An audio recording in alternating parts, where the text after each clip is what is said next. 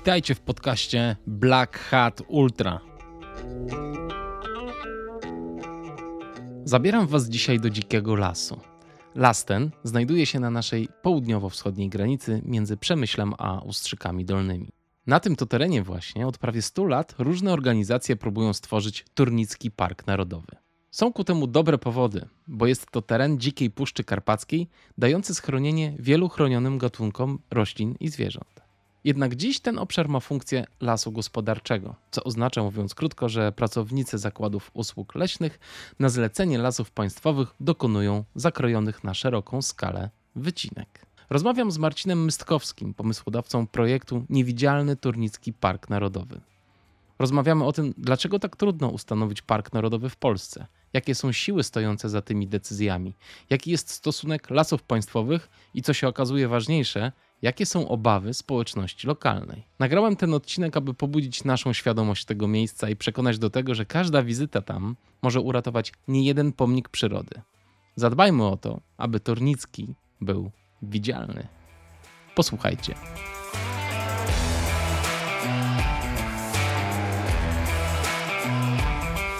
Cześć Marcin, witam cię serdecznie. Cześć, dzięki za zaproszenie. Dziękuję za odwiedziny. Y, zajmujesz się na co dzień Turnickim Parkiem Narodowym, przynajmniej jest to jedno z twoich działań, ale opowiedz y, trochę o sobie, jak w ogóle doszło do tego, że się zająłeś tym wspaniałym terenem koło Przemyśla, gdzie są twoje korzenie i co cię, co, cię, co cię w ogóle przyciągnęło do tego lasu wspaniałego? E, tak, to, to, to pytanie e, maratończyka i ta odpowiedź też będzie dosyć długa, także, także rozsiądźcie się wygodnie w fotelach, bo to nie jest takie proste. Dlaczego? Mm -hmm. Dlatego, że przede wszystkim e, moje korzenie są na Niżu Mazowieckim. E, nie mam wiele wspólnego z, z Pogórzem e, i, i tamtymi stronami. Natomiast, no tak, coś mnie faktycznie przyciągnęło. Myślę, że to jest wieloetapowa historia przyciągania. Zaczęło się od no, takich wartości przyrodniczych e, i szacunku dla przyrody, którą wyciągnąłem z domu. Następnie mm, zacząłem e, po prostu szwendać się po różnych e, nieużytkach, lasach, miejscach, które na pierwszy rzut oka niewiele oferowały, ale mm, mówiąc krótko, szukałem samotności. Ale tutaj w, w, okręb, w obrębie Warszawy, czy wyjeżdżałeś gdzieś stąd? Mm, w, różnie. Mhm. E, mam nieźle złażoną Szwecję. E, połaziłem po Norwegii. Takim moim ulubionym miejscem bez wątpienia jest Kampinoski. Jak patrzę czasem na moją mapę Google Maps, to po prostu widzę mnóstwo tych czerwonych e, pinesek e, powbijanych. Podobnie teraz wygląda Turnicki, tak? To jest, e, to jest moje oczko w głowie, ale zaraz do tego, zaraz do tego mhm. dojdę. No i, i tak, Kamp Kampinoski Park Narodowy stał się dla mnie taką, takim triggerem do zainteresowania się w ogóle parkami narodowymi, w ogóle ideą e, ścisłej ochrony i takiego połączenia tej koncepcji z jednej strony e, ochrony przyrody, ale z drugiej strony też otwartości na, e, na osoby, które chcą się zachwycić tym, tym dobrem, bo to odróżnia de facto parki narodowe od rezerwatów. Do rezerwatu nie możesz wejść, do parku narodowego w wyznaczonych miejscach możesz, możesz wejść, możesz zachwycić się, możesz robić różne ciekawe rzeczy. E, I, I tak, i przyznam, że jeszcze kilka lat temu nie słyszałem o Turnickim. E, także wiecie, jeżeli wy także dla was to też jest pierwsza styczność, to, e, to, mm, to jestem ja sprzed kilku lat, także mhm. być może kogoś uda się tym tematem zainteresować.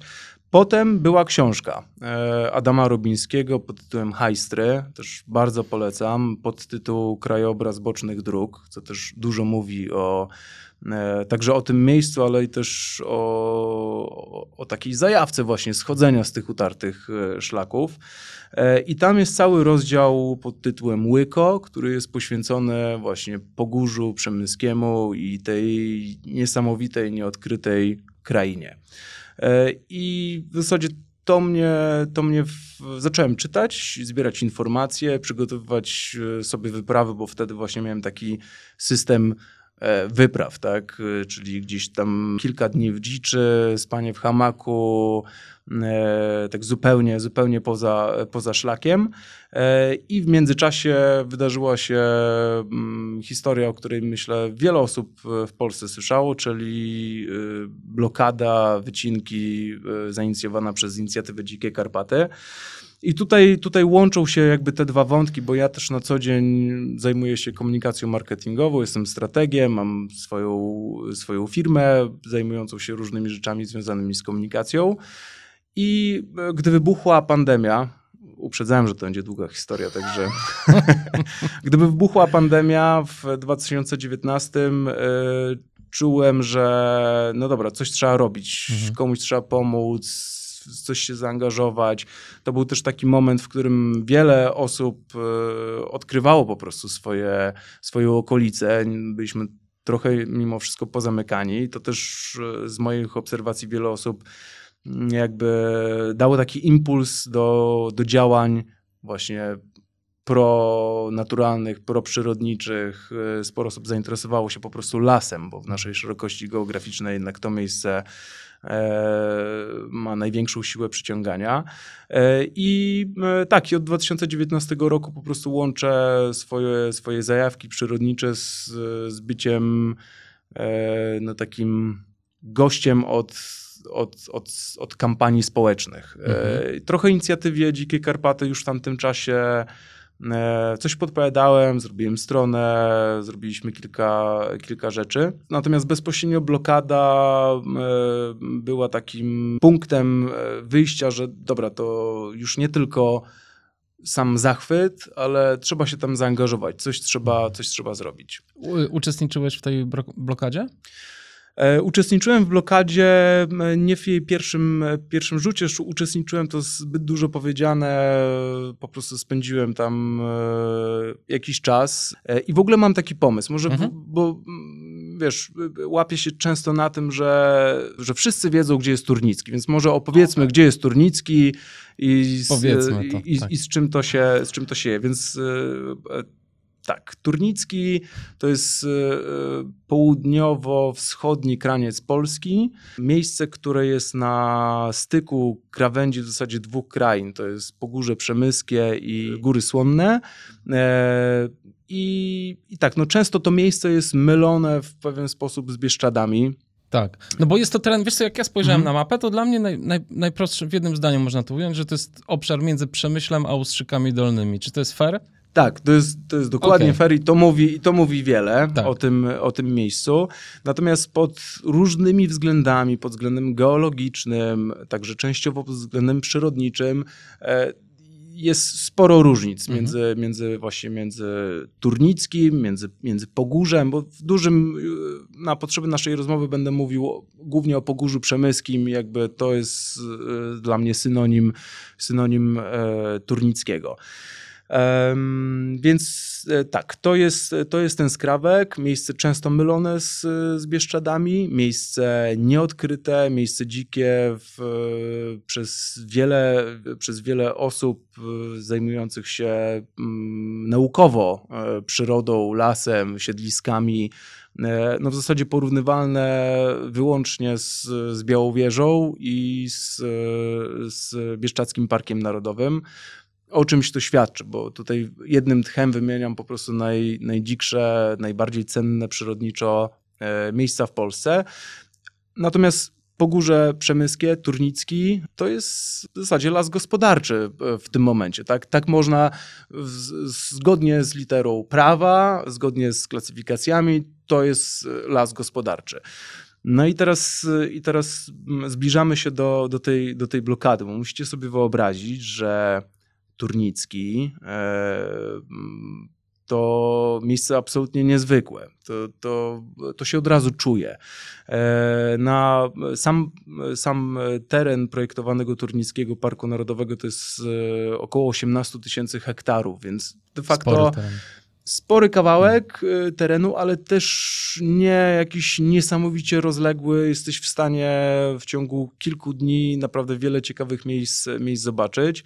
E, to jest miejsce, w którym mamy, no, jeżeli ktoś był w Bieszczadach, na pewno kojarzy to miejsce, to kojarzy Bieszczady z E, dużymi jodłami, z potężnymi bukami. I tak właśnie wygląda między innymi e, Turnicki. E, Fundacja Dziedzictwo Przyrodnicze, która, która w zasadzie od długiego czasu już wspiera starania o, o, o, powołanie e, Parku Narodowego na tym, na tym terenie. Podczas inwentaryzacji e, e, drzew o wymiarach pomnikowych no, naliczyła ich grubo ponad 6 tysięcy, a według dzisiejszej klasyfikacji, bo tam się zmieniły trochę, trochę te wymiary właśnie brzegowe, no myślę, że no, szacuje się w tym momencie na, na około 10 tysięcy właśnie drzew o wymiarach pomnikowych, więc to jest miejsce, które emanuje no, niesamowitą energią z tych, z, z, tych drzew. No, to też to nie są tylko drzewa, to są też oczywiście mieszkańcy, e, mieszkańcy tego, tego lasu. E, no i tak jak mówię, to to jest las gospodarczy. No, no i teraz. Czyli co, y, lasy państwowe mogą przyjść i zrobić wycinkę tych pięknych starych drzew tak po prostu? Nie tylko mogą, ale po prostu to robią. I to robią na bardzo dużą skalę. Są tak zwane pule, czyli plany urządzania lasu. E, to są takie wieloletnie plany pozyskania drewna na danym, na danym terenie i ten, i ten pól, który jest ustanowiony od 2016 do 2026 roku, no po prostu zakładał bardzo dużą, bardzo intensywną e, wycinkę, tak e, na mapie, która obrazuje, która obrazuje tą, tą skalę wycinek, to po prostu mamy cały teren Turnickiego, to jest jedna wielka czerwona plama. E, osoby, które, mm, które pracują przy, przy pracach leśnych, tak zwani zulowcy, no mówią, że po prostu nigdy tak, tak, tak się nie cięło w tym, w tym rejonie i że to jest po prostu jakiś obłęd. ZUL, od czego jest ten skrót? E, Zakład Usług Leśnych. Okay. Budziło, to, budziło to niepokój zarówno strony naukowej, strony przyrodniczej. E, były apele mm, osób, które zajmują się tym właśnie w sposób e, zawodowy, naukowy, monitorowaniem siedlisk e, i oceną po prostu tego, co, co wyrabia się na tym, na tym terenie. Natomiast e, no, kiedy argumenty takie grzeczne, naukowe przestają, przestają w pewien sposób rezonować, to czasem po prostu obywatele podejmują inicjatywę i coś, i coś robią. No i myślę, że myślę, że z takiej właśnie z jednej strony złości, z drugiej strony e, bezsilności. Bezsilności, tak, hmm. dokładnie. E, zrodziła się, zrodziła się blokada projektowanego Turnickiego Parku Narodowego. Blokada, która ma wymiar głównie symboliczny, bo to jest, to jest blokada tylko jednego wydzielenia. No, trudno tak naprawdę garstce osób zablokować prace leśne na całym dużym E, dosyć zwartym kompleksie. Faktycznie wtedy, kiedy, kiedy inicjatywa inicjowała tą, tą, tą, tą blokadę, trwały tam, trwały tam prace leśne, padały duże drzewa. E, I to, to, był, to był ten bezpośredni spust do, do, do, tych, do tych działań. Zrobiło się o tym dosyć, dosyć głośno. Też e, inicjatywa Dzikie Karpaty to, to, to, jest grupa, to jest grupa osób, e, którzy upominają się właśnie w, o zachowanie starych drzew. Jak sama nazwa e, wskazuje, ich obszarem zainteresowania jest, są przede wszystkim właśnie Karpaty, czyli, czyli tutaj ten południowo-wschodni, południowo-wschodnia e, część Polski. E, I tak, wiele osób wtedy myślę, że pierwszy raz usłyszało o, o Turnickim. Też pojawiały się apele, żeby do tej blokady, blokady dołączać. Czy ta blokada pomogła coś w ogóle? Dała jakiś efekt? I czy było dużo spięć z zulowcami na, na miejscu? Jak to wyglądało? E, na pewno kil, kilka, kilka efektów tych działań jest, jest zauważalnych. No przede wszystkim ten efekt e, zwiększenia świadomości tego, tego miejsca wśród mieszkańców Polski, e, prawdopodobnie również samego, również samego regionu. E, także to, to na pewno trzeba zapisać tutaj jako, jako sukces. E, czy coś, czy coś dała w takim sensie praktycznym? Mm, no tak jak powiedziałem, to ma wymiar przede wszystkim symboliczny, tak? Natomiast Czyli bardziej medialnie to zadziałało, tak? Na, zadziałało medialnie, wiesz, ta blokada cały czas trwa. Tak, tak. E, są tam osoby, znam te osoby, lubimy się, szanujemy. E, natomiast y, no, ta, ta blokada funkcjonuje, ona się teraz przeradza, przeradza jednak w, myślę, że w coś trochę innego, e, w, właśnie w monitorowanie tego, co się dzieje na terenie turnickiego. To jest na pewno ważny, ważny aspekt. E, w informowaniu o tym, jak, jak prowadzona jest ta, ta, ta gospodarka leśna. Ja tam na tą, na tą blokadę trafiłem, chciałem zobaczyć, chciałem poznać ludzi, chciałem przyjrzeć się temu wszystkiemu od, od środka. I e, w zasadzie z, z, tych moich wcześniejszych doświadczeń przyrodniczych i z, tej, z tego czasu spędzonego na blokadzie, jakby zrozumiałem, że to, co robią osoby z inicjatywy, jest szalenie istotne. Natomiast to nie jest moja poetyka po prostu, tak? Bo musicie wiedzieć też, że no to jest, e, to jest e, południowy kraniec tej owianej złą sławą ściany wschodniej. E, to jest e, w zasadzie sam środek takiego najdłuższego i prawdopodobnie najbardziej intensywnego konfliktu społecznego e, z przyrodą w centrum. I będąc na blokadzie, w bardzo jasny sposób tego doświadczyłem. To znaczy, ta blokada jest zaraz obok wjazdu do lasu. E, no, też przy, przy jezdni asfaltowej, e, którą jeżdżą samochody, które jadą od Makowej, e, czy od powiedzmy w dużym uproszczeniu od Przemyśla do Ustrzyk Dolnych i czuć było po prostu w oczywisty sposób niechęć przejeżdżających osób. Nie mówię o wszystkich, natomiast wiesz, bardzo łatwo przedstawić ludzi, którzy przyjeżdżają jakby z zewnątrz i coś blokują, y, nie uniemożliwiają pracę, e, wiesz, w, w lesie. No, lasy państwowe są znaczącym e, pracodawcą, więc łatwo to wszystko przedstawić jako ok, przyjechali ekoterroryści, tutaj nam mówią, jak mamy żyć. E, to było bardzo, bardzo dojmujące i ciężkie to było dla ciebie. Tak, to było, to było mhm. dla mnie, to było dla mnie mm, może nie traumatyczne, ale zrozumiałem, że potrzebne są też inne działania w tym, e, w mhm. tym regionie. E, właśnie takie, które umożliwią e, włączenie lokalnej społeczności, zrozumienie tego, co lokalna mhm. społeczność ma do powiedzenia.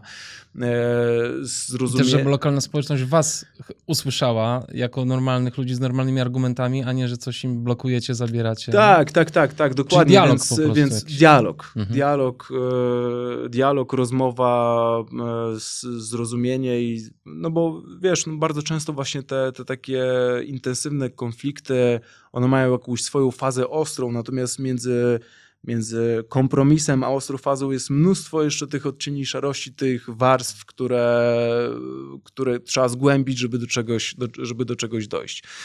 I tak naprawdę z, właśnie z tej obecności na, na blokadzie jakby pojawił się pomysł zrobienia czegoś, czegoś innego. Nie alternatywnego względem inicjatywy, bo te działania mimo wszystko są komplementarne, są komplementarne także z, z działaniami różnych innych organizacji przyrodniczych działających na tym, na tym terenie, ale to jest jakby taki brakujący element, y, którego no nie było w tym, w tym rejonie, a y, starania o utworzenie Turnickiego Parku Narodowego y, sięgają lat 80., a nawet wcześniejszych.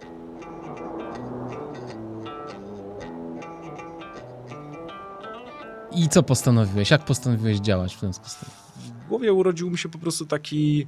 E, wspomniałem o tej poetyce, tak? Wspomniałem o tych, o tych słowach. No myślę, że nasze, teraz wrócę do tego, nasze czasy wymagają właśnie trochę nowego języka, trochę nowych pojęć, jakby wprowadzania, e, wprowadzania do, do, do rozmowy jakiej, jakiejś takiej dodatkowej warstwy i w, od początku myśląc o Turnickim, o tej Puszczy Karpackiej, rezonowało mi w głowie słowo niewidzialny. E, I w zasadzie niewidzialny Turnicki Park Narodowy. To był w zasadzie sam, sam początek e, koncepcji, która przerodziła się w e, grę obywatelską. Pomyślałem sobie, że może już dość tego używania tego, tego słowa projektowany Turnicki. Czas przejść jakby z, z fazy teoretycznej do fazy praktycznej. A musicie też wiedzieć, że jakby na gruncie dzisiejszego prawa ten park ma bardzo małe szanse na powstanie. Jakby musi się zmienić prawo. Dlaczego? Dlatego, że głos weta e, ma, e, mają samorządy. To znaczy, samorządy po prostu no zazwyczaj w większości przypadków na, na tutaj na polskim gruncie podchodzą bardzo, bardzo ostrożnie lub wręcz są przeciwne rozszerzaniu form ochrony y, przyrody, ponieważ uznają to za zagrożenie dla swojego rozwoju e, i za coś, co po prostu jest im niepotrzebne. E, A w jaki sposób założenie Parku Narodowego może ograniczać ich rozwój? E, no, wiesz, to jest dobre pytanie, ale też, ale też prawdopodobnie można na nie, na nie, na nie długo odpowiadać. W największym skrócie mhm nie, nie utarło się w, w, Polsce, że Park Narodowy jest silną marką, która przyciąga, wokół której można budować. Zupełnie, zupełnie jest to takie, bym powiedział, dosyć mocno krzywdzące. E, e, Puszcza Białowieska jest takim magnesem. Wspominałem o tym, że są pewne, pewne wyłomy w tym, w tym spojrzeniu i tutaj Karkonoski Park Narodowy też jest bardzo dobrym przykładem. Tam jest pełna wola e, i, i poparcie samorządu, wręcz samorząd postuluje rozszerzenie Parku Narodowego, także no to jest taki jaskrawy przykład, że można, że można inaczej. E, wiesz, rezonuje mi w głowie takie, takie określenie, które niestety nie pamiętam nazwiska, ale jeden z samorządowców e, tamtejszych powiedział, że tutaj nigdy nie będzie Eldorado, że tutaj tutaj nigdy nic się już więcej się nie zmieni, tak? Więc to jest takie, e, wiesz, to jest takie bardzo, bardzo zachowawcze, zachowawcze działanie i to w, w dużej mierze jakby też obrazuje e, część nastrojów społecznych, które, które obserwujemy i detektujemy po prostu w tym, w tym regionie. Więc. E, no jak nic nie będziemy zmieniać, to na pewno się nic nie zmieni. Dokładnie, dokładnie I, tak. I, co, i, to, I to jest taki sposób myślenia, że oni na przykład, bo rozumiem w słowie rozwój prawdopodobnie zawierają się pieniądze. E, czyli co? Oni uważają, że Park Narodowy nie jest w stanie wygenerować żadnego przychodu dla gmin? Wiesz, to jest, to jest generalnie taka sytuacja, że hmm, e, na tym terenie, zresztą też w wielu innych miejscach e, w Polsce, lasy państwowe są w jakimś stopniu emanacją władzy. I tak jest też e, właśnie na tym, e, na tym, na tym terenie. Zaraz opowiem o tym, jak ta gra obywatelska wygląda. Jeszcze, jeszcze trochę sobie e, tutaj opowiedzmy o samym krajobrazie. 100% tego, tego terenu to jest nadleśnictwo Bircza. Jedno nadleśnictwo, mówiąc, mówiąc naj, najkrócej, rządzące tym terenem, tak? Bo jakby musimy też wiedzieć, że tak jak wspomniałem, nadleśnictwo jest czy lasy państwowe są znaczącym pracodawcą, e, finansują budowę dróg, e, przez system różnych dotacji utrzymują relacje z, z lokalnymi graczami, z, z, lokalnymi organizacjami, bardzo głęboko wchodzą w tą, w tą tkankę i tak naprawdę... Czyli to jest jak takie korpo po prostu, w małej lokalnej społeczności. Korpo, tak ale nawet nie w takim e, wymiarze korporacji, nowoczesnej korporacji, która działa, która uczy się, która obserwuje, która popełnia błędy, ale wyciąga też wnioski. To jest korporacja e, z XIX wieku. E, wiesz, z takim, no mówię to z takim żalem de facto, bo no, lasy państwowe zarządzają y, ponad 30% powierzchni Polski. To jest takie, no to jest uderzające, to jest państwo w państwie. E, I lasy państwowe są e, no, w sposób bardzo radykalny, nieprzejednany, e, przeciwne koncepcji Parku Narodowego. Czemu? Bo Bo właśnie zostanie im ta władza odebrana? Bo zostanie im odebrana władza, przede wszystkim to burzy dogmat. Jest, jest, jest, jest tak zwana zrównoważona gospodarka leśna, trwale zrównoważona gospodarka leśna. Lasy państwowe zawsze boją się takich, takich wyłomów w swojej władzy, no bo musimy też wiedzieć, że w kolejce do ostatni Park Narodowy został powołany w Polsce w 2001 roku. I można byłoby zaakceptować taki stan rzeczy, gdyby nie to, że w kolejce czekają inne cenne przyrodniczo miejsca. Mówię tutaj o Mazurach, e, mówię tutaj o takiej żywej teraz koncepcji e, e, Parku Narodowego Dolnego Obiegu Odry. No jest generalnie bardzo dużo miejsc, które, które, które czekają na uznanie. Objęcie i ochroną, uznanie, tak. No Park Narodowy zawsze to jest y, to jest, to, to jest ta najwyższa, najwyższa forma, ale no tak, w tych wszystkich miejscach jest prowadzona gospodarka, która po prostu nie, nie licuje z, z tymi walorami przyrodniczymi, który, o, których tutaj, o których tutaj rozmawiamy. W związku z tym, no myślę, że to jest, że to jest obawa po prostu o swoją, o swoją władzę. Bo też warto powiedzieć, że nadleśnictwa, nadleśnictwo Bircza i jakby prace leśne prowadzone, czy pozyskanie drewna prowadzone w tym terenie e, jest niedochodowe.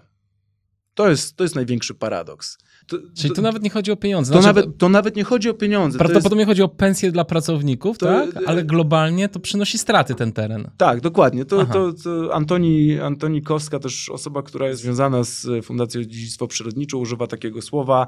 Jeżeli powstałby tam Park Narodowy, to Lasy Państwowe na koniec nie miałyby więcej pieniędzy, ponieważ to nadleśnictwo jest niedochodowe. To znaczy inne nadleśnictwa z całej Polski wpłacają pieniądze do, spe do specjalnego funduszu, który to fundusz jest e, E, z którego funduszu zasilane są nadleśnictwa, które są nierentowne. Między innymi nadleśnictwo, nadleśnictwo Bircza.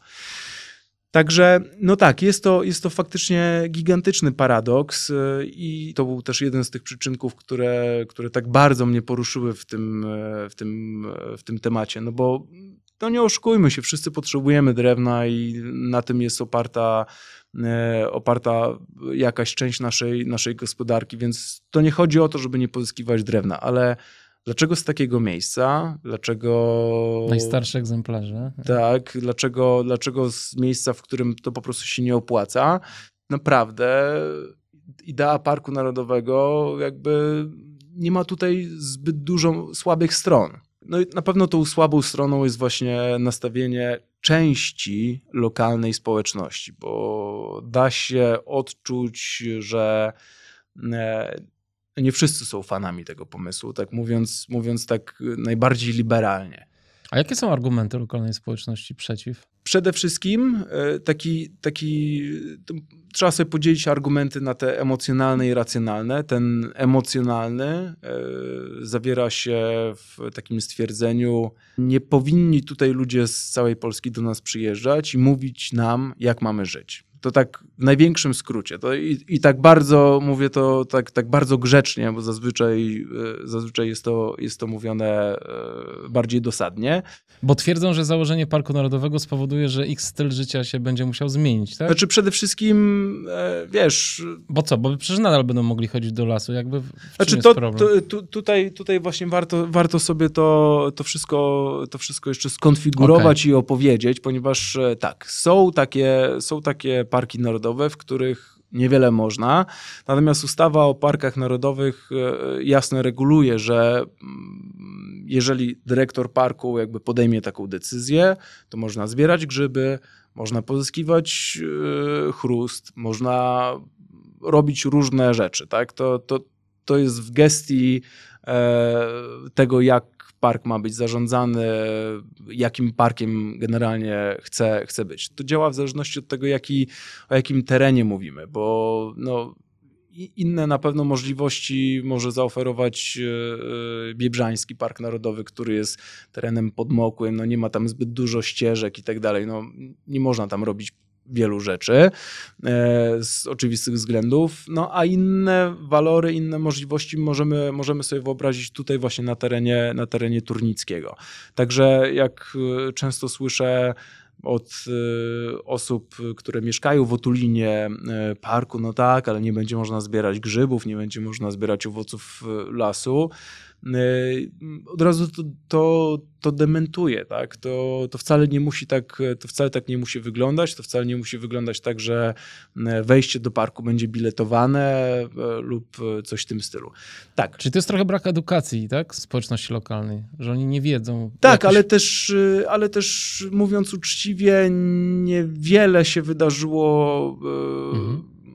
W przeszłości, by faktycznie nawiązać dialog i taki realny kontakt z, z osobami, które, które mieszkają e, w otulinie projektowanego parku. I też właśnie na tym skupia się projekt, który, który zainicjowaliśmy wspólnie z garstką osób, wtedy garstką osób e, w styczniu 22 roku. Natomiast jeszcze, mhm. jeszcze powiem o, o tym, e, wspomniałem o tym argumencie emocjonalnym, tak. ten argument e, taki już stricte związany z, z pieniędzmi, no myślę, że jest ich kilka. E, pierwszy podstawowy stan na teraz jest, jest taki, że pracownicy zatrudnieni w lasach państwowych versus ich odpowiednicy, osoby zatrudnione w parkach narodowych, E, no, ci z parków narodowych zarabiają po prostu znacznie mniej. Także można sobie wyobrazić taki, taki argument, w którym e, no, te same osoby, które mieszkają w okolicy, czy są zatrudnione przez Nadleśnictwo Bircza, jeżeli część z nich miałaby stać się pracownikami parku, no to na dzień dobry po prostu będą zarabiali prawdopodobnie gdzieś tam w okolicach 30% mniej. No wiadomo, trudno przełknąć taką stratę, taką zmianę. Natomiast y, tak, no są wysuwane takie bardzo konkretne y, postulaty poparte bardzo konkretnymi argumentami, by te zarobki zostały, różnica w tych zarobkach została mocno zniwelowana. To, to pierwsza sprawa. Druga sprawa, no, część osób mieszkających w Otulinie faktycznie żyje z, mm, z pracy E, przy wycince, przy pracach leśnych. E, natomiast no, warto tutaj powiedzieć o tym, że jest to praca dosyć słabo płatna. E, jest to praca niebezpieczna. Niebezpieczna, to zaraz, zaraz o tym powiem. Mhm. Natomiast też tak proponująca bardzo niską stabilizację. To często jest umowa E, o dzieło lub wręcz praca bez żadnej umowy. Co warte podkreślenia i być może to będzie zaskoczeniem dla wielu osób, jest to najniebezpieczniejszy zawód e, w Polsce. E, ginie więcej osób przy, przy mm, wycince lasu niż w kopalniach. Dlaczego? No dlatego, że upadają wielkie drzewa, dochodzi często do wypadków, do tego mamy choroby zawodowe, E, z chociażby boleriozę, e, no wiadomo, praca w lesie, kleszcze i tak dalej.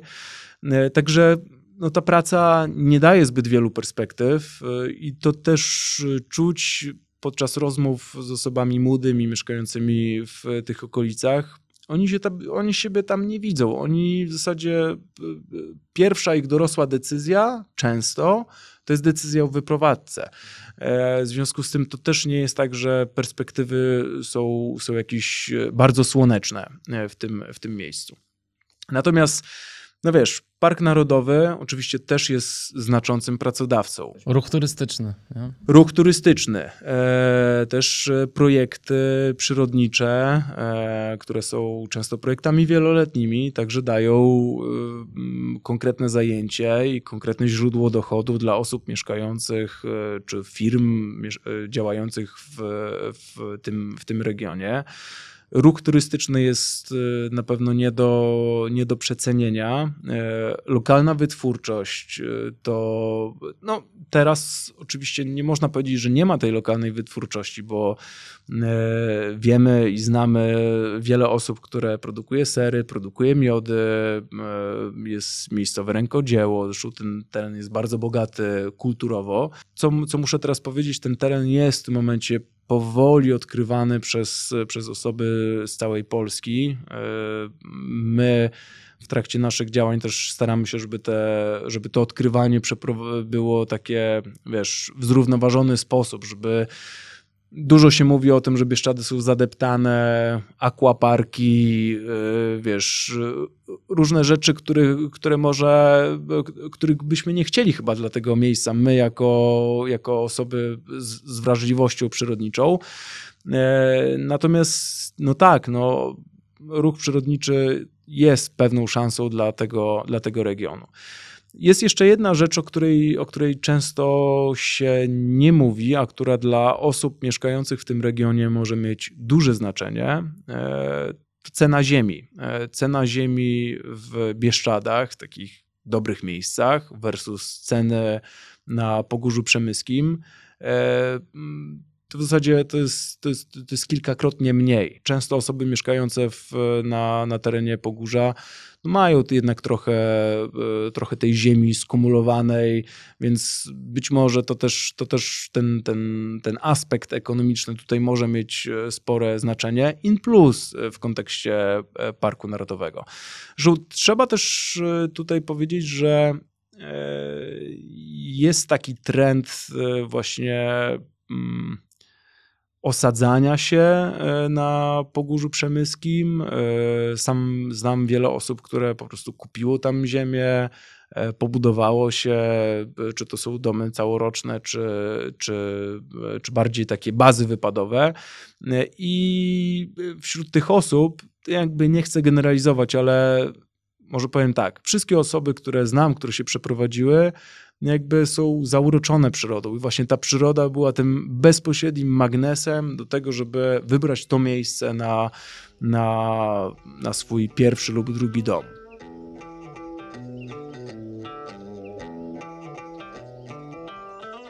Tak, rzeczywiście te tereny są obłędnie piękne. Z tego co wiem, to nasze biegi ultra jeszcze się tam nie odbywają, co jest ogromnym moim zdaniem e, e, szansą na nową, wspaniałą imprezę. Może uda nam się coś wspólnie rozkręcić. W każdym razie powiedz mi, wspomniałeś o grze terenowej, którą organizujesz. Na czym ona polega? Właśnie, to jest to jest gra obywatelska w niewidzialny Turnicki Park Narodowy. Wspomniałem o tym, że przez lata mówiło się o tym terenie jako terenie projektowanego parku. W pewien sposób e, chciałem zerwać z tą, z tą teoretycznością i oddolnie poprzez działania wolontaryjne pokazać e, to miejsce osobom z, z regionu, e, oso, osobom mieszkającym w pobliskim Przemyślu, osobom mieszkającym na Podkarpaciu, ale też pokazać e, mieszkańcom jakby gmin parkowych, takiej nazwijmy, co może ciekawego, dobrego dziać się, jeżeli ten park narodowy kiedyś stanie się rzeczywistością? Także gra obywatelska w Turnicki Park Narodowy jest y, takim, taką sumą z pozoru błahych działań, y, niedużych. Niektóre z nich są większe, niektóre mniejsze, inne zupełnie w skali mikro.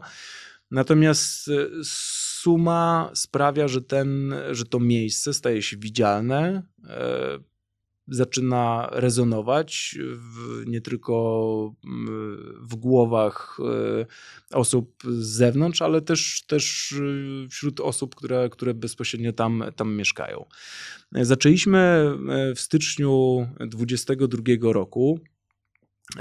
I do tej pory no, minęło w tym momencie mamy 13 miesięcy prowadzenia tego, tego projektu i udało się zrobić niesamowicie dużo, dużo rzeczy. E, mm, ale powiem, powiem, zanim opowiem o tym, co udało się zrealizować, to powiem, bez kogo nie udałoby się nic osiągnąć.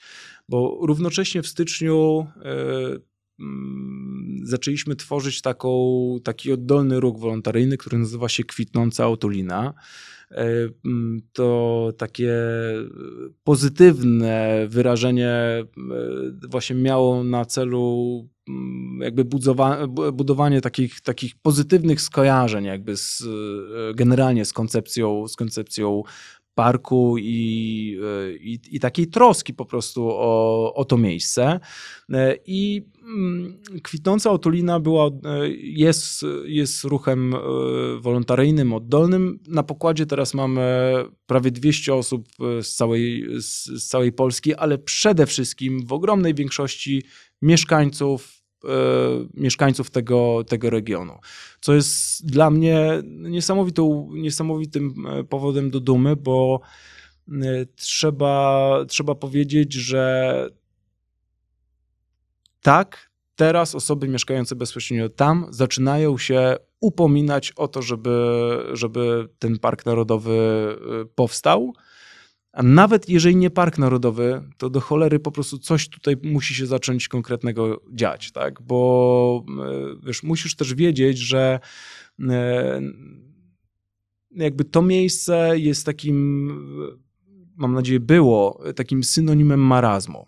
No bo z jednej strony mamy bardzo, e, bardzo wartościową przyrodę, niezwykle bogatą historię. Tak? To, to od grodów średniowiecznych, e, poprzez e, ikonopisarstwo, jakby no, jest jest, jest niesamowicie bogaty kulturowo ten, ten teren. Jednocześnie bardzo niewiele się o nim mówiło, bardzo niewiele się działo, nie było żadnej praktycznej animacji yy, kulturowej na tym, na tym terenie. Więc to, co my robimy, to jest właśnie przełamywanie tego marazmu. Że Turnicki może być sexy po prostu. Turnicki może być sexy yy, i, to jest, i to jest właśnie taki wyraz tej troski o, o przyrodę, o kulturę i te dwie, te dwie nitki się bardzo ze sobą, ze sobą wiążą. I właśnie, I właśnie to jest punktem wyjścia do, do, do działań, które realizujemy w ramach gry obywatelskiej.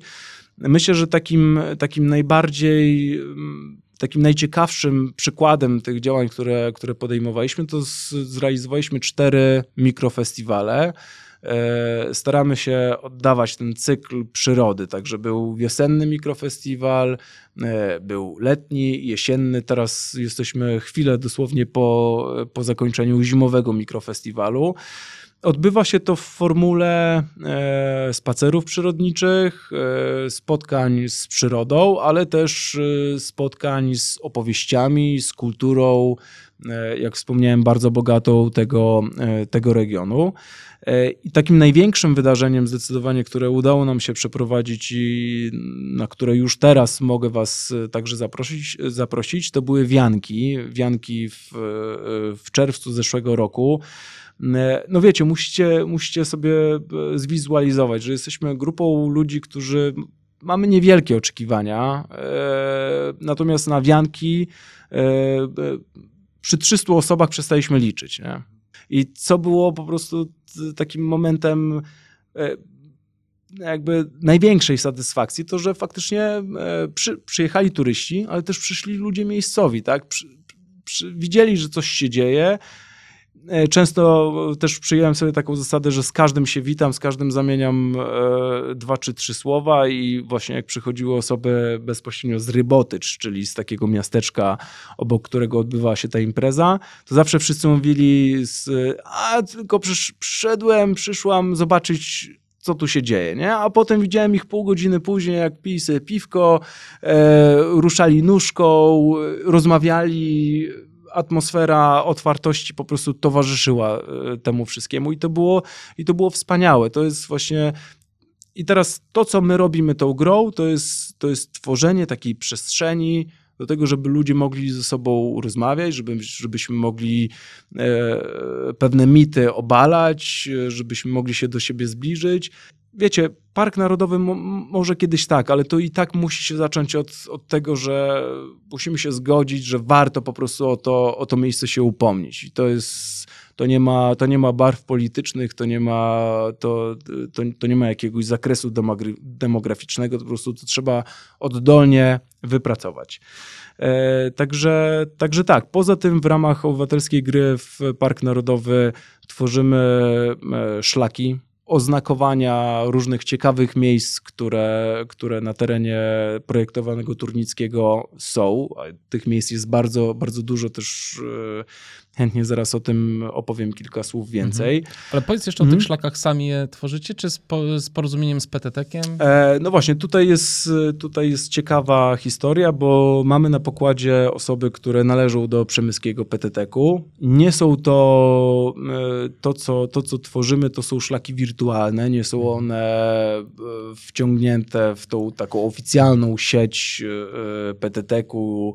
Natomiast na naszych, na naszych mapach, które, które, które powstają, czy to z właśnie siłami kwitnącej otuliny, czy inicjatywy Dzikie Karpaty, te szlaki są, są pozaznaczane.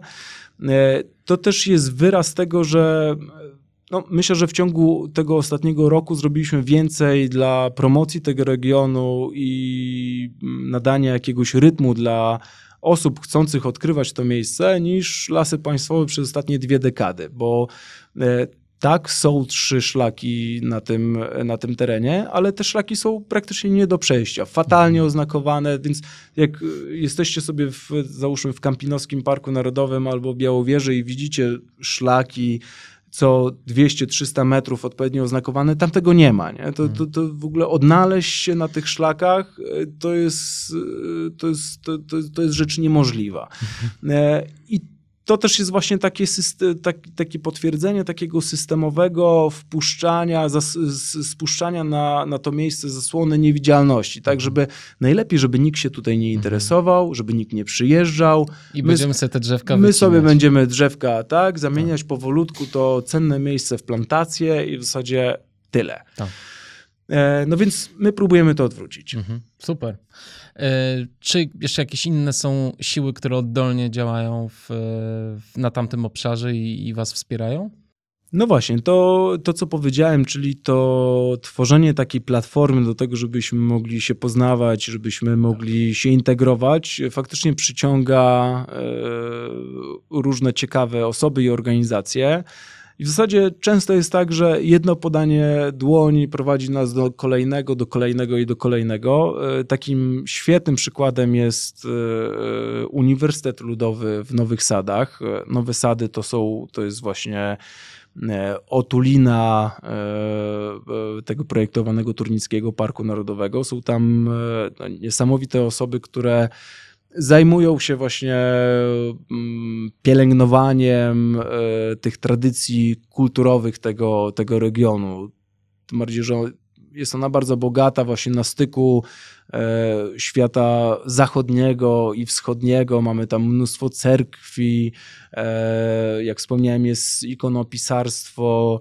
E, jednym z osób, jedną z niesamowicie ważnych osób w tym Uniwersytecie Ludowym jest Antoni Pilch, osoba, no, jedyny znany mi lutnista, osoba, która, która no, po prostu poprzez śpiew, poprzez muzykę opowiada historię tego, tego regionu. E, I takich, e, takich punktów, e, takich okazji do spotkań jest, jest, jest, jest bardzo dużo. Innym przykładem jest Dom Ukraiński w Przemyślu, który po wybuchu wojny w Ukrainie też nabrał zupełnie innego E, wymiaru. E, no, ta działalność e, powiedzmy jest teraz dużo bardziej intensywna z racji tego, że udzielają wsparcia osobom, które, które uchodzą z, z Ukrainy. E, I tutaj też okazało się, że mamy bardzo wielu, bardzo wiele osób, z którymi e, właśnie możemy tą kulturę, o tej kulturze opowiadać. E, zresztą też warto powiedzieć, że w okresie średniowiecza, a także później to było takie, ten teren to było takie multikulti. Obok siebie mieszkały osoby Polacy, Żydzi, Rusini, którzy mają niedużo wspólnego z tymi z, z Rosją jako taką, ale właśnie z, z terenami e, dzisiejszej, dzisiejszej Ukrainy. E, e, były tam fale kolonizacyjne, także mamy mm, sporo śladów po osadnikach niemieckich. Także absolut, tak, absolutna tak, mieszanka, mieszanka, tak, i ludzie, są na to historyczne dowody, że to są, że to są, to jest historia dobrych sąsiedzkich relacji. E, więc mm, no, no, oczywiście to, co wydarzyło się w XX wieku, to szaleństwo nacjonalizmów, jakby to wszystko przekreśliło. Natomiast, e, natomiast tak, dało radę żyć obok siebie we względnej harmonii, jakby e, kooperować. I my właśnie te, te ślady w dużej mierze też odkrywamy. Staramy się do, do tych tradycji też w jakimś stopniu nawiązać. A powiedz, a są jakieś działania odgórne? E, czyli gdzieś na poziomie, nie wiem, ministerstwa i czy to w ogóle ma sens, skoro i tak e, najpierw e, muszą się zgodzić władze lokalne na to, żeby coś się tam wydarzyło w ogóle.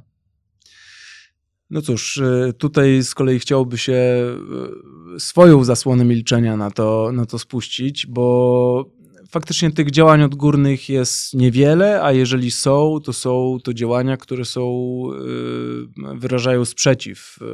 Co prawda, w trakcie kampanii wyborczych, e, zarówno tej prezydenckiej, jak i parlamentarnej, temat parków narodowych był podnoszony.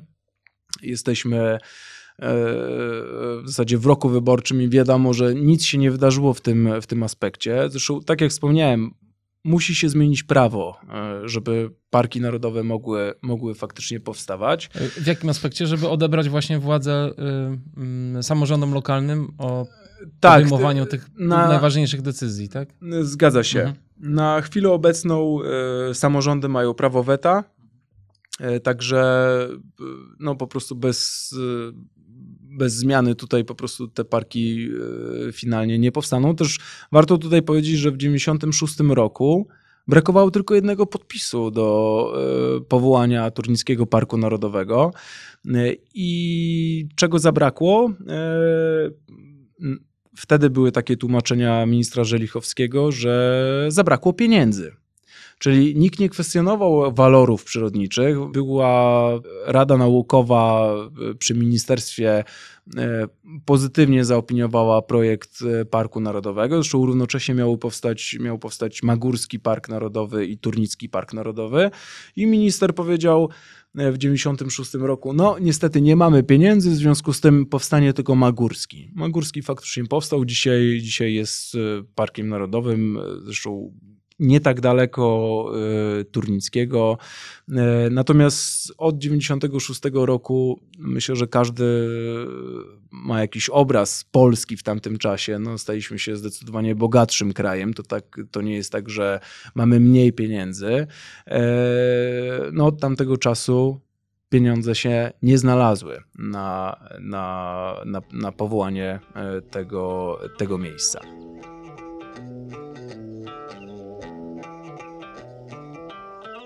Dobrze, powiedz, e, co my, e, biedni słuchacze tego podcastu, możemy zrobić na co dzień. Nie wiem, może jakąś petycję wiem, że możemy podpisać. A jeżeli uważasz, że nie ma sensu walka o ten, e, o Park Narodowy, bo tak powiedziałeś trochę, że nie wierzysz w to do końca, to może co możemy właśnie zrobić, żeby podnieść świadomość, że takie miejsce w ogóle istnieje na polskiej mapie?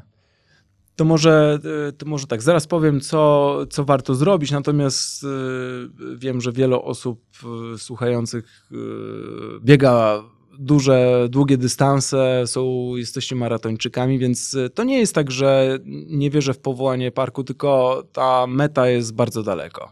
Po drodze jest wiele innych drobnych kroków, które my możemy zrobić, ja też wiem, że każdy, każdy marzy o jakiejś formie sprawczości, chcemy się do czegoś, do czegoś przyczynić.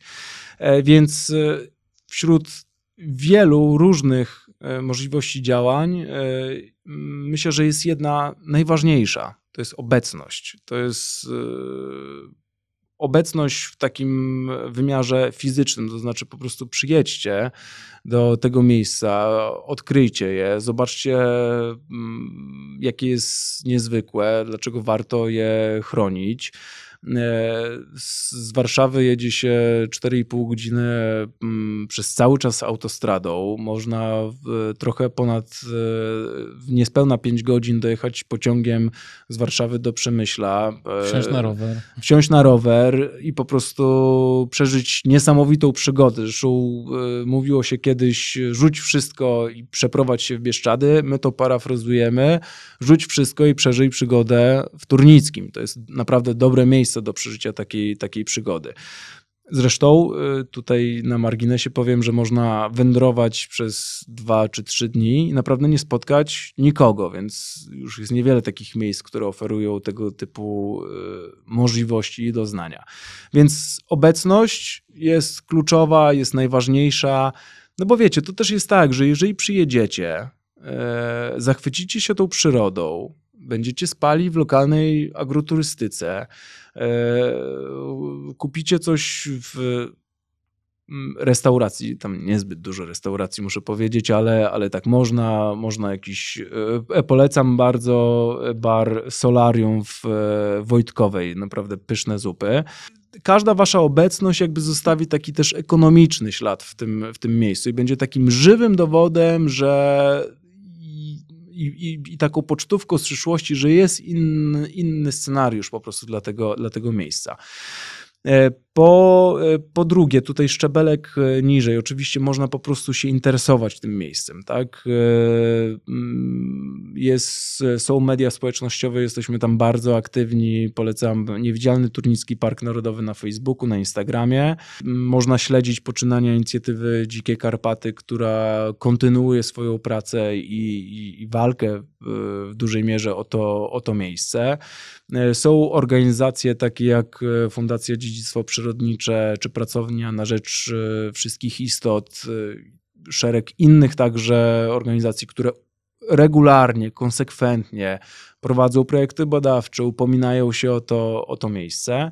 Można oczywiście podpisać e, petycję, natomiast pamiętajmy, no, te petycje mają, mają też wymiar symboliczny, są taką, są taką, powiedziałbym, takim wstępem do aktywizmu bardzo często, więc one są pożyteczne e, i, i można, można potraktować je jako taki dobry krok, żeby coś zrobić, ale zapraszam do tego, żeby nie poprzestawać na tym. I teraz polecę także taką petycję, która właśnie została zainicjowana nie tak dawno przez inicjatywę Dzikie Karpaty, którą całym sercem e, wspieram i też promujemy ją poprzez swoje kanały. E, to jest petycja o niewycinanie e, drzew o wymiarach pomnikowych. Musicie wiedzieć, że w, tych, w tym naszym nadleśnictwie może ta skala nie jest taka gigantyczna, to jest 50-60 drzew przeznaczonych do wycinki właśnie o wymiarach pomnikowych. Znaczy każde z tych drzew to jest gigantyczna historia, wiecie, niektóre pamiętają czasy napoleońskie, e, czy, czy e, czas uchwalania Konstytucji 3 maja, więc o każde z tych drzew warto, warto walczyć, ale sąsiednie nadleśnictwo Krasiczyn jakby mm, to już, jest, to już jest jakiś obłęd, bo tam jest 262 drzewa z tego co kojarzę przeznaczone do właśnie o wymiarach pomnikowych przeznaczone do, do wycinki. No, wydaje się, że mm, po prostu trzeba to zatrzymać. E, petycja jest na pewno jednym z elementów, jednym z kroków do tego, żeby, żeby z takimi praktykami po prostu walczyć.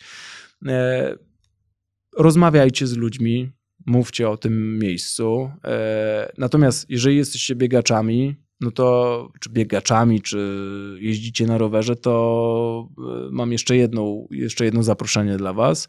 E, po prostu to może stać się waszą mekką. To, to miejsce e, jest niesamowite właśnie pod, pod, pod kątem zarówno i biegania, i, i rowerów. Rowery. Mamy tutaj pozostałości po państwie arłamowskim. To był taki ośrodek rządowy e, e, powstały w latach, pod koniec lat 60. Zostało z tego, z, z, z tego państwa romskiego jeszcze sieć takich, no po prostu wąskich dróg asfaltowych, więc na, nawet dla, dla osób, które nie mają świetnych terenowych rowerów, jest bardzo dużo miejsc niesamowitych do, do, do jazdy, ale też, też można jak najbardziej biegać. Zresztą w zeszłym roku zorganizowaliśmy taki taką, taką wersję powiedzmy z, zerową e, triatlonu dla Turnickiego. Udział wzięło z tego co kojarzę około 10 osób i tutaj pozdrawiam, być może należy do słuchaczy e, Roland Kuliński z, z Przemyśla, na co dzień mieszka na Wyspach No i właśnie Roland był inicjatorem tego, tego triatlonu. My z wielką przyjemnością wciągnęliśmy do, to, to działanie do naszej gry obywatelskiej w Turnicki Park Narodowy. I w tym roku e, e, także będziemy chcieli powtórzyć tą, tą, tą imprezę, także popłyniemy, pobiegniemy i pojedziemy na, na rowerach dla Turnickiego. Będzie miało to miejsce prawdopodobnie w sierpniu, e, także... Ciep ciepło będzie. Tak, będzie, będzie, będzie ciepło. Mówisz, że popłyniemy. Jak tam jest e, z obiektami wodnymi na terenie Turnickiego? Na terenie Turnickiego e, nie ma takiego miejsca, w którym można, można przepłynąć większy dystans, e, także rozwiązaliśmy to w trochę inny sposób. E, po prostu jest, e, są sztuczne zbiorniki wodne w okolicach Przemyśla i tam E, właśnie była ta część e, pływacka, natomiast e, bezpośrednio z, tych, z, z tej plaży ruszyliśmy rowerami już bezpośrednio do Turnickiego i samo bieganie odbywało się już na, na terenie projektowanego parku. Mhm. Ale oczywiście rzeki i jakieś Rzeki są, słuchajcie, są. Z, z, rzekami jest w ogóle niesamowita historia, bo to, to miejsce często jest nazywane Doliną Wiaru Wiar, czyli, czyli dopływ e, Sanu, to jest jedna z najczystszych e, rzek e, Polski. Miejsce obezwładniające, naprawdę. To, to, to, wiar jest dziką rzeką, jest meandrującą rzeką, bardzo, e, bardzo malowniczo właśnie płynie przez, przez, przez doliny, a wokół tych dolin e, zbocza porośnięte starymi drzewami. No wygląda, wygląda to majestatycznie. Zresztą wiecie, no, rzeka i generalnie woda to życie, więc to też przyciąga dodatkowe gatunki, stwarza no, świetne siedliska dla, dla różnych rzadkich ptaków, drapieżników, i, i tak dalej.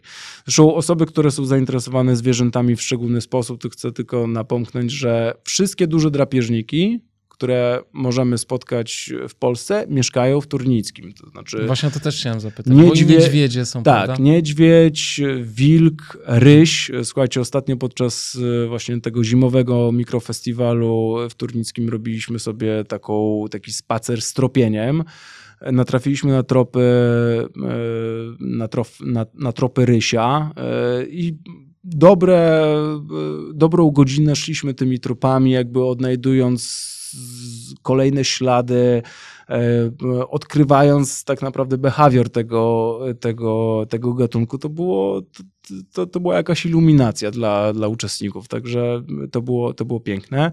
E, poza tym e, Turnicki jest jednym z trzech miejsc w Polsce, gdzie mieszkają żbiki. E, żbik w lipcu 2022 roku został wybrany właśnie głosami społeczności na symbol Turnickiego i sam jestem dzisiaj w bluzie z, z, z dużym emblematem a, z tyłu, dobrze. E, z dużym emblematem e, Żbika, także tak. Super. Mam wrażenie, że straciliśmy teraz kilka osób, bo jak usłyszały o niedźwiedziach i wilkach, to właśnie odwołały swój pociąg do Przemyśla. Co byś powiedział osobom, które się boją jednak dzikich zwierząt, drapieżników? Mm, słuchajcie, wiem, że bardzo dużo się mówi takich alarmistycznych rzeczy, w szczególności o wilkach, no możemy powiedzieć, o, że jest y, gigantyczna nagonka. E, słuchajcie, nie ma praktycznie żadnych potwierdzonych e, ataków e, wilków na, na, na ludzi. Mm, nie ma żadnych śmiertelnych, śmiertelnych ofiar.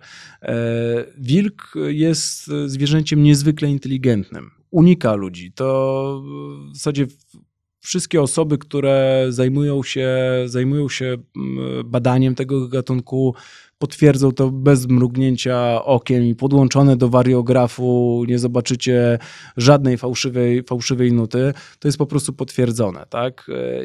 Mm, konflikty ludzi z, z wilkami nasilają się w, w ostatnich latach z kilku względów. E, po pierwsze, no, wilk został objęty ochroną w latach 90., więc siłą rzeczy ta populacja wzrasta. E, dlatego częściej widzimy wilki, bo po prostu no, wcześniej tego nie było. Tak? Wcześniej ta populacja była pod gigantyczną presją, e, teraz, teraz jest większa. E, często osoby straszące nas wilkami mówią: tak, wilki jutro będą, dziś są w lasach, a jutro będą na ulicach miast. Wcale tak nie jest. To znaczy, populacja wilka nie rośnie w nieskończony sposób. E, no tutaj można powiedzieć, że terytorium wilczej rodziny e, to jest mniej więcej tak jakby przerównać, to jest terytorium Krakowa. No, po prostu dwie rodziny wilcze nie mogą funkcjonować na, na jednym i tym samym terenie. Także nic wam nie grozi. Mój tata zawsze mówił tak, w lesie trzeba się bać tylko drugiego człowieka i ja to w 100%, w 100% potwierdzam, wilków się nie bójcie.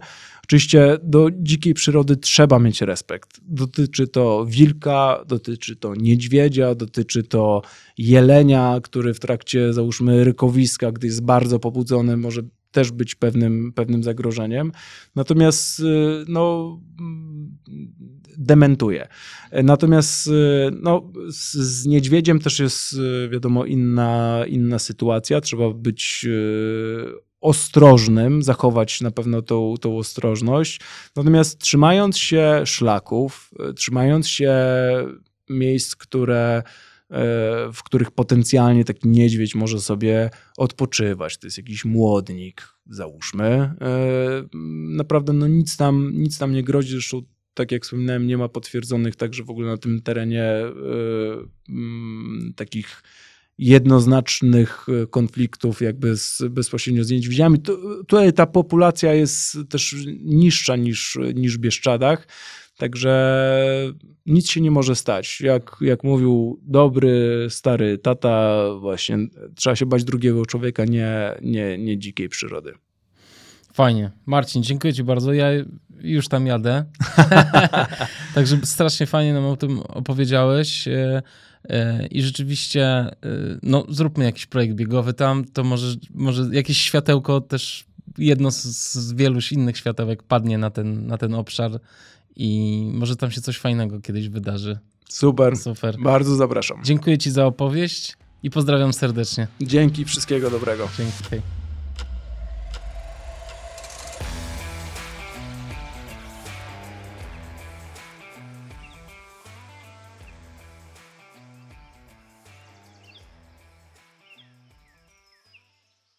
Moi drodzy, pakujemy się i jedziemy pobiegać do Turnickiego. Pozdro.